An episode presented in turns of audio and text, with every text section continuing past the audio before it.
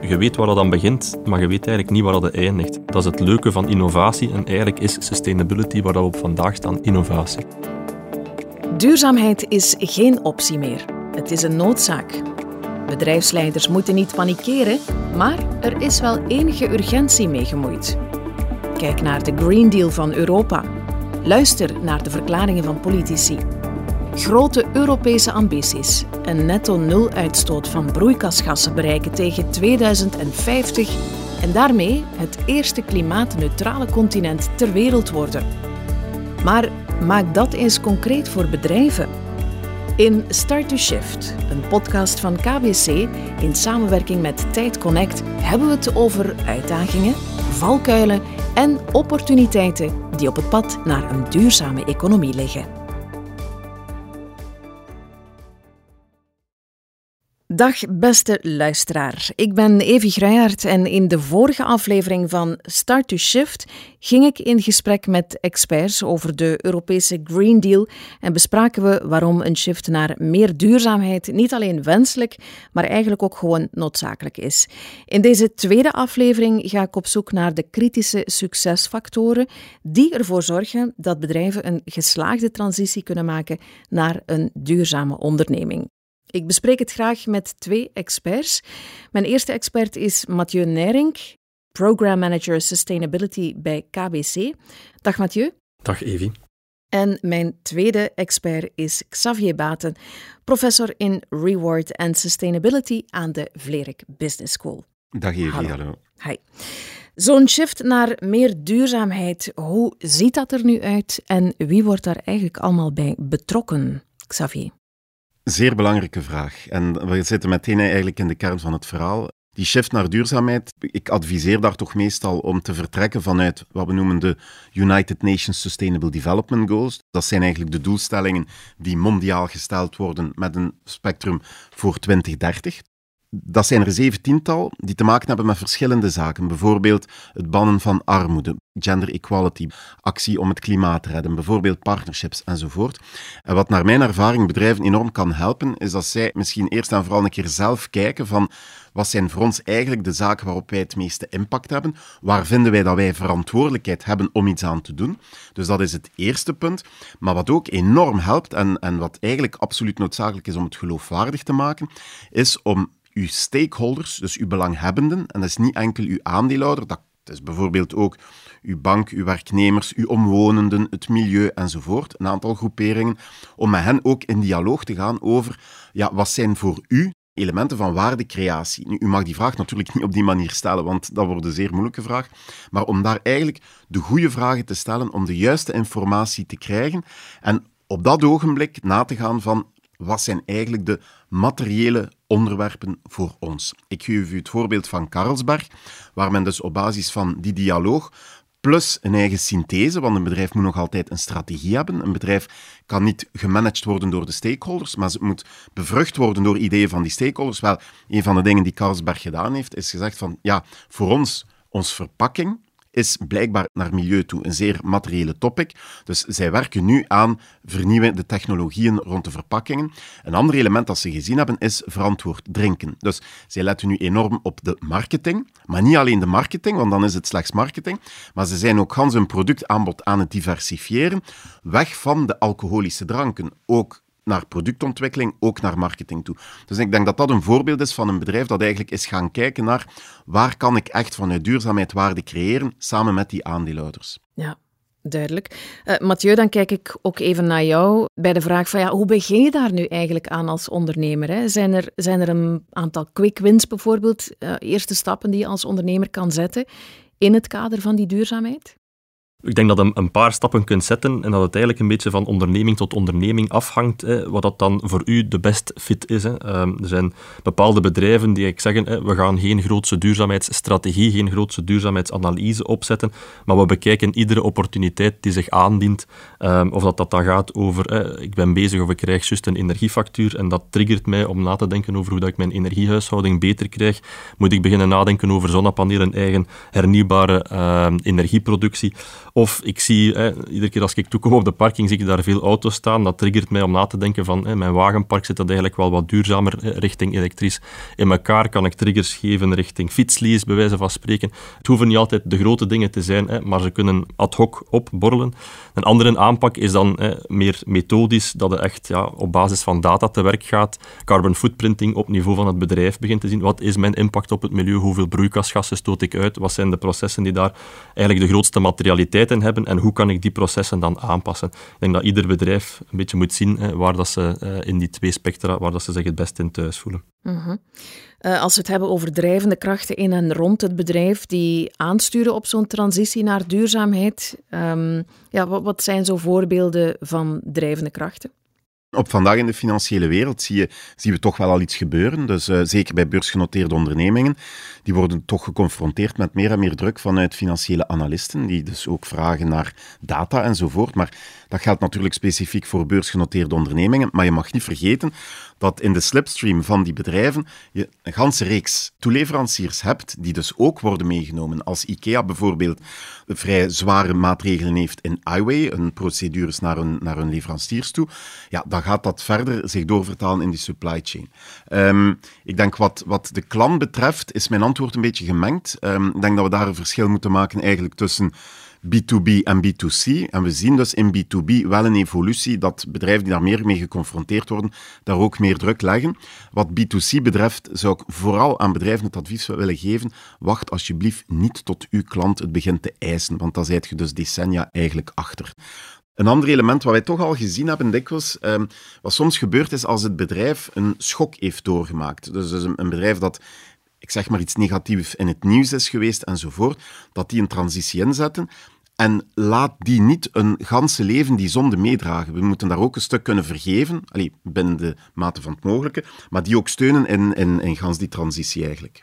En, ik denk, last but not least, het begint wel aan de top. Dus dat zien we heel dikwijls. Het is dikwijls in een bedrijf de CEO, het is dikwijls in een bedrijf de raad van bestuur die de aanzet geeft. Eh, ik moet u zeggen, tot mijn pijnlijke ervaring, eh, ik had nog niet zo heel lang geleden een gesprek met een, een uh, headhunter die mensen zoekt voor mandaten in raden van bestuur. En ik vroeg die dus, ja, wordt u, wordt u vaak de vraag gesteld naar kennis van bestuurders rond, rond duurzaamheid? En die zei mij, ik heb dit nog nooit meegemaakt. Stel u voor ik denk dat als er iets gebeurt qua evolutie, dat het eigenlijk altijd zo een, een versterkend effect is van meerdere um, punten die samenkomen. En dat we dat eigenlijk nu ook hebben. Uh, herinnert u ook nog Greta Thunberg, die een paar jaar geleden manifestaties hield. We hadden het allemaal wel gezien, maar eigenlijk waren we niet in het achterhoofd aan het houden van verdorie, we moeten zelf ook ons gedrag beginnen aanpassen. Eigenlijk zijn we nu x jaar verder, hebben een wetgever, hè, hebben we in Europa een EU Green Deal, die wordt nu vertaald hè, naar Belgisch, naar Vlaams niveau. Je hebt Vlaamse renovatiepakten, dus het wordt hoe langer hoe duidelijker. Ik denk dat er toch een mindshift in de hoofden van de B2C-klant zit. Neem het voorbeeld van Colruyt, die naast de Nutri-scores nu ook de eco-scores zet op bepaalde producten. Dus het wordt veel transparanter voor een klant. Met andere woorden, hij heeft data, hij kan bepaalde keuzes maken ten gunste van. Dus ik denk dat de versnelling dat we misschien even op gewacht hebben, of dat Greta op gewacht heeft, dat we die nu eigenlijk stilletjes aan aan het krijgen zijn. En dan is het inderdaad kwestie van mee te zijn, of eh, het, wordt, eh, het wordt moeilijk om op de trein nog te geraken. Absoluut akkoord. Enerzijds drijvende krachten, maar zijn er ook remmende krachten in heel dit verhaal? Mathieu? Duurzaamheid is, is nieuw. Hè. Ehm, het is een lange termijn perspectief, 2050, 2060, maar het is niet voor eigenlijk alle actoren. Als je kijkt naar de wereld van business doen, de wereld van financiële data, dan heel wat beslissingen, eigenlijk alle beslissingen in bedrijven worden genomen op basis van financiële calculi. Hebben we een rendement op een nieuw project dat we doen? Eigenlijk zit daar op vlak van non-financial data, zit er eigenlijk, dat, is, dat is een volledige nieuwe wereld die open gaat. Die is, er, die is open voor grotere bedrijven. Kleinere bedrijven die weten niet naar waar dat ze moeten kijken om non-financial data te gaan hebben. Die weten een energiefactuur liggen, die krijgen facturen binnen van de diesel van de wagens, maar daar stopt het eigenlijk bij. Bedrijven weten eigenlijk niet goed op basis van een tekort aan data waar dat ze moeten starten.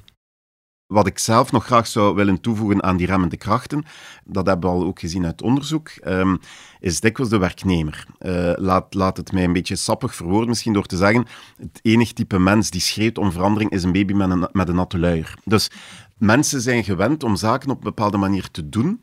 Duurzaamheid komt daarbij en men, dus, men weet eigenlijk in veel gevallen niet echt van wat houdt dit in.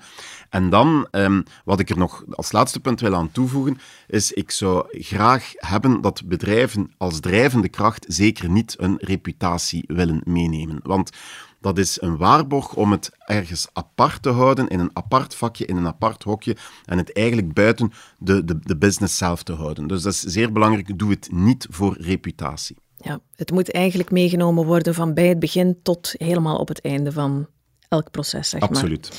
Laat ons zo'n transitie eens concreet maken. Hè. Misschien Logodental is bijvoorbeeld een tandartsenpraktijk die multidisciplinair werkt. En zij wilden wat ze de praktijk van de toekomst noemen vormgeven in hun nieuwe gebouw.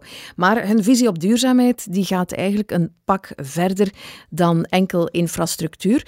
Daarmee vroeg ik aan uh, Michael van Rie, de praktijkmanager in Logo Dental, waar zij op gelet hebben bij het ontwerpen van dat nieuwe gebouw. Vandaag de dag kiezen wij ervoor om een gebouw neer te zetten dat duurzaamheid belichaamt. Gaande van elektriciteitsoptimalisatie door middel van zonnepanelen, over geothermie naar verwarming en koeling toe en gaat zomaar verder. Net om ervoor te zorgen dat wij onze ecologische footprint zo klein mogelijk houden en onze bijdrage leveren aan een duurzamere leefwereld. Het tweede aspect is dat wij de private tijd van onze medewerkers en collega's zodanig wensen te optimaliseren dat wij aspecten uit de privésfeer infrastructureel in het gebouw hebben voorzien. Bijvoorbeeld een fitness, een kindercrash, een restaurantservice met takeaway voor s'avonds, om er maar een paar op te noemen. Zo zorgen wij ervoor dat de werknemer bij thuiskomst onmiddellijk kan genieten met partner en kroost en het werk volledig achter zich kan laten. Ja, Xavier, dat is inderdaad belangrijk. Hè? Eh, de quality of life, uh, work-life balance. Ja, ik vind dat we hier toch de laatste jaren, uh, en ja, sorry, om, want ik gebruik het woord niet graag, geholpen door corona. Uh, maar dat is een zeker positieve impact. Zien we dat vitaliteit van werknemers toch wel veel hoger komt op de agenda. Uh, ik denk dat KMO's hebben ook geleerd om hun werknemers te vertrouwen. KMO's ja. hebben geleerd dat mensen kunnen thuiswerken, dat ze dan niet noodzakelijk andere dingen gaan doen. Uh, en ik denk dat dat, en ik hoop dat dat iets is om zeker en vast verder op in te zetten. Het gaat over het mentaal welzijn van uw, uw, werknemers, het gaat over het fysieke welzijn van uw werknemers. En laat dat nu weer een voorbeeld zijn, een zeer belangrijk voordeel van die sociale dimensie van mm -hmm. environmental, social en governance aspecten van duurzaamheid. Mathieu? Ik denk dat voor dienstenbedrijven zoals Logodental, die hebben het van hè, een gebouw waar dat medewerkers in zitten. Dus dat, dat inderdaad, als je dan opnieuw naar carbon footprint bekijkt, dat wat is dan de grootste materialiteit van processen, dat dat inderdaad op gebouw en energie zal slaan. Dus ze hebben de juiste dingen gedaan. Oké. Okay. Ik vroeg ook aan Michael van Rie van Logodental hoe zij hun shift eigenlijk aangepakt hebben. Wij zijn eerst zo breed mogelijk gaan dromen om dan te kijken hoe het in de realiteit te gaan vertalen en implementeren. Op deze manier is het ook makkelijker om beslissingen te nemen van wat doe je wel en wat doe je niet. Zo hebben wij besloten om duurzaamheid in onze core business volledig te integreren en terug als pionier de Next Evolution op tandheelkundig gebied te gaan implementeren. Gaande van preventie tot beperkte kaakchirurgie in het all at one place principe. Dit zorgt zeker ook voor een duurzaamheidswin voor iedereen op logistiek vlak. Vanaf je aan zo'n project begint, merk je meteen dat je een soort community aan het creëren bent, waar iedereen deel van wenst uit te maken. In eerste instantie collega's en patiënten, maar ook bijvoorbeeld leveranciers en zakenpartners. Ten slotte vinden wij het belangrijk de focus niet te leggen op alleen een korte termijn financieel plan. Wij mikken eerder op een lange termijn. Dat heeft als voordeel dat we onze investeringsplatform kunnen vergroten, als ook partners kunnen aantrekken die net als wij inspelen op duurzame relaties en op de garanties voor de toekomst. Ja, is het net de garantie van de toekomst, Xavier? Ik denk absoluut dat het betrekken van stakeholders de garantie is van de toekomst. Maar dat betekent ook dat je eigenlijk een beetje een ander managementmodel hebt, hè, waar dat we vroeger de neiging hadden om in one-on-one te kijken naar onze klanten, onze leveranciers enzovoort, moet je nu eigenlijk veel breder je maatschappelijke stakeholders ook gaan raadplegen. En je moet natuurlijk weten dat sommige stakeholders zijn nu eenmaal belangrijker dan anderen. Dus je moet daar ook keuzes in maken. Maar dat betekent dat je als manager veel meer informatie moet vragen, data, kwalitatief, kwantitatief, die binnenkrijgt en die ook echt goed moet kunnen verwerken, om dan te zeggen, want de strategie blijft er ook nog altijd bij, dit zijn de keuzes die we maken, en ik ga er nog één ding aan toevoegen, en ook terug te gaan naar uw belanghebbenden, naar uw stakeholders, met de uitleg van die keuzes. Want stakeholders zullen input geven, maar als zij nooit feedback krijgen rond die input, zullen ze dat maar één keer doen. Ja, oké. Wat er ook tof is in het verhaal van Logodental, is de, de focus op community um, die hij aanhaalt, omdat duurzaamheid eigenlijk vaak gekeken wordt als een individueel project. Dat begint bij een bepaald bedrijf, dat eindigt bij hetzelfde bedrijf. Maar eigenlijk is dat meestal een katalysator waar de andere bedrijven of andere stakeholders ook op inpikken. Dus je weet waar dat dan begint, maar je weet eigenlijk niet waar dat eindigt. Dat is het leuke van innovatie en eigenlijk is sustainability waar we op vandaag staan, is innovatie. En allee, je zou dat ook een stukje sneeuwbaleffect kunnen noemen, uh, waar, dat je, waar dat je een positieve sfeer gaat creëren rond duurzaamheid, eerder dan een negatieve. Dus dat, dat leveranciers daarin mee willen, uh, dat je ook een andere onderhandelingspositie vanuit purpose enzovoort krijgt. En dat is een positief vliegwiel dat je creëert. Ook niet onbelangrijk natuurlijk is de vraag, is duurzaamheid duur? Even, ik vind dat een, een beetje een, een rare vraag eigenlijk, omdat dat uitgaat van het alternatief, dat er een alternatief voor duurzaamheid is. Ehm, en dat dat dan misschien per definitie goedkoop zou zijn. Ik denk dat we de situatie in de zomer in Wallonië wel gezien hebben. En de, de, miljarden die dan in de pers verschijnen over hoe duur het zal zijn om het allemaal opnieuw op te bouwen. Als je niks doet en je neemt dat in aggregerende factor, dan is de kost van niets doen uiteraard gigantisch veel duurder dan de kostprijs dat het nu kan hebben om wel iets te doen. Denk dat de vraag misschien vooral kadert in het feit van, we zijn nu 2021, we hebben zeer ambitieuze doelstellingen 2050 en dat we gewoon een olifant niet in schijfjes kunnen knippen. Europa zegt zelf ook, jaar na jaar willen wij het, percentage aan broeikasgasemissies met een paar procent zien teruglopen. Dat zijn geen sprongen van 5 of 10 procent. Xavier, jij als expert in reward en sustainability, op welke manier kan de top van een bedrijf gestimuleerd worden om nog meer in te zetten op die duurzaamheid?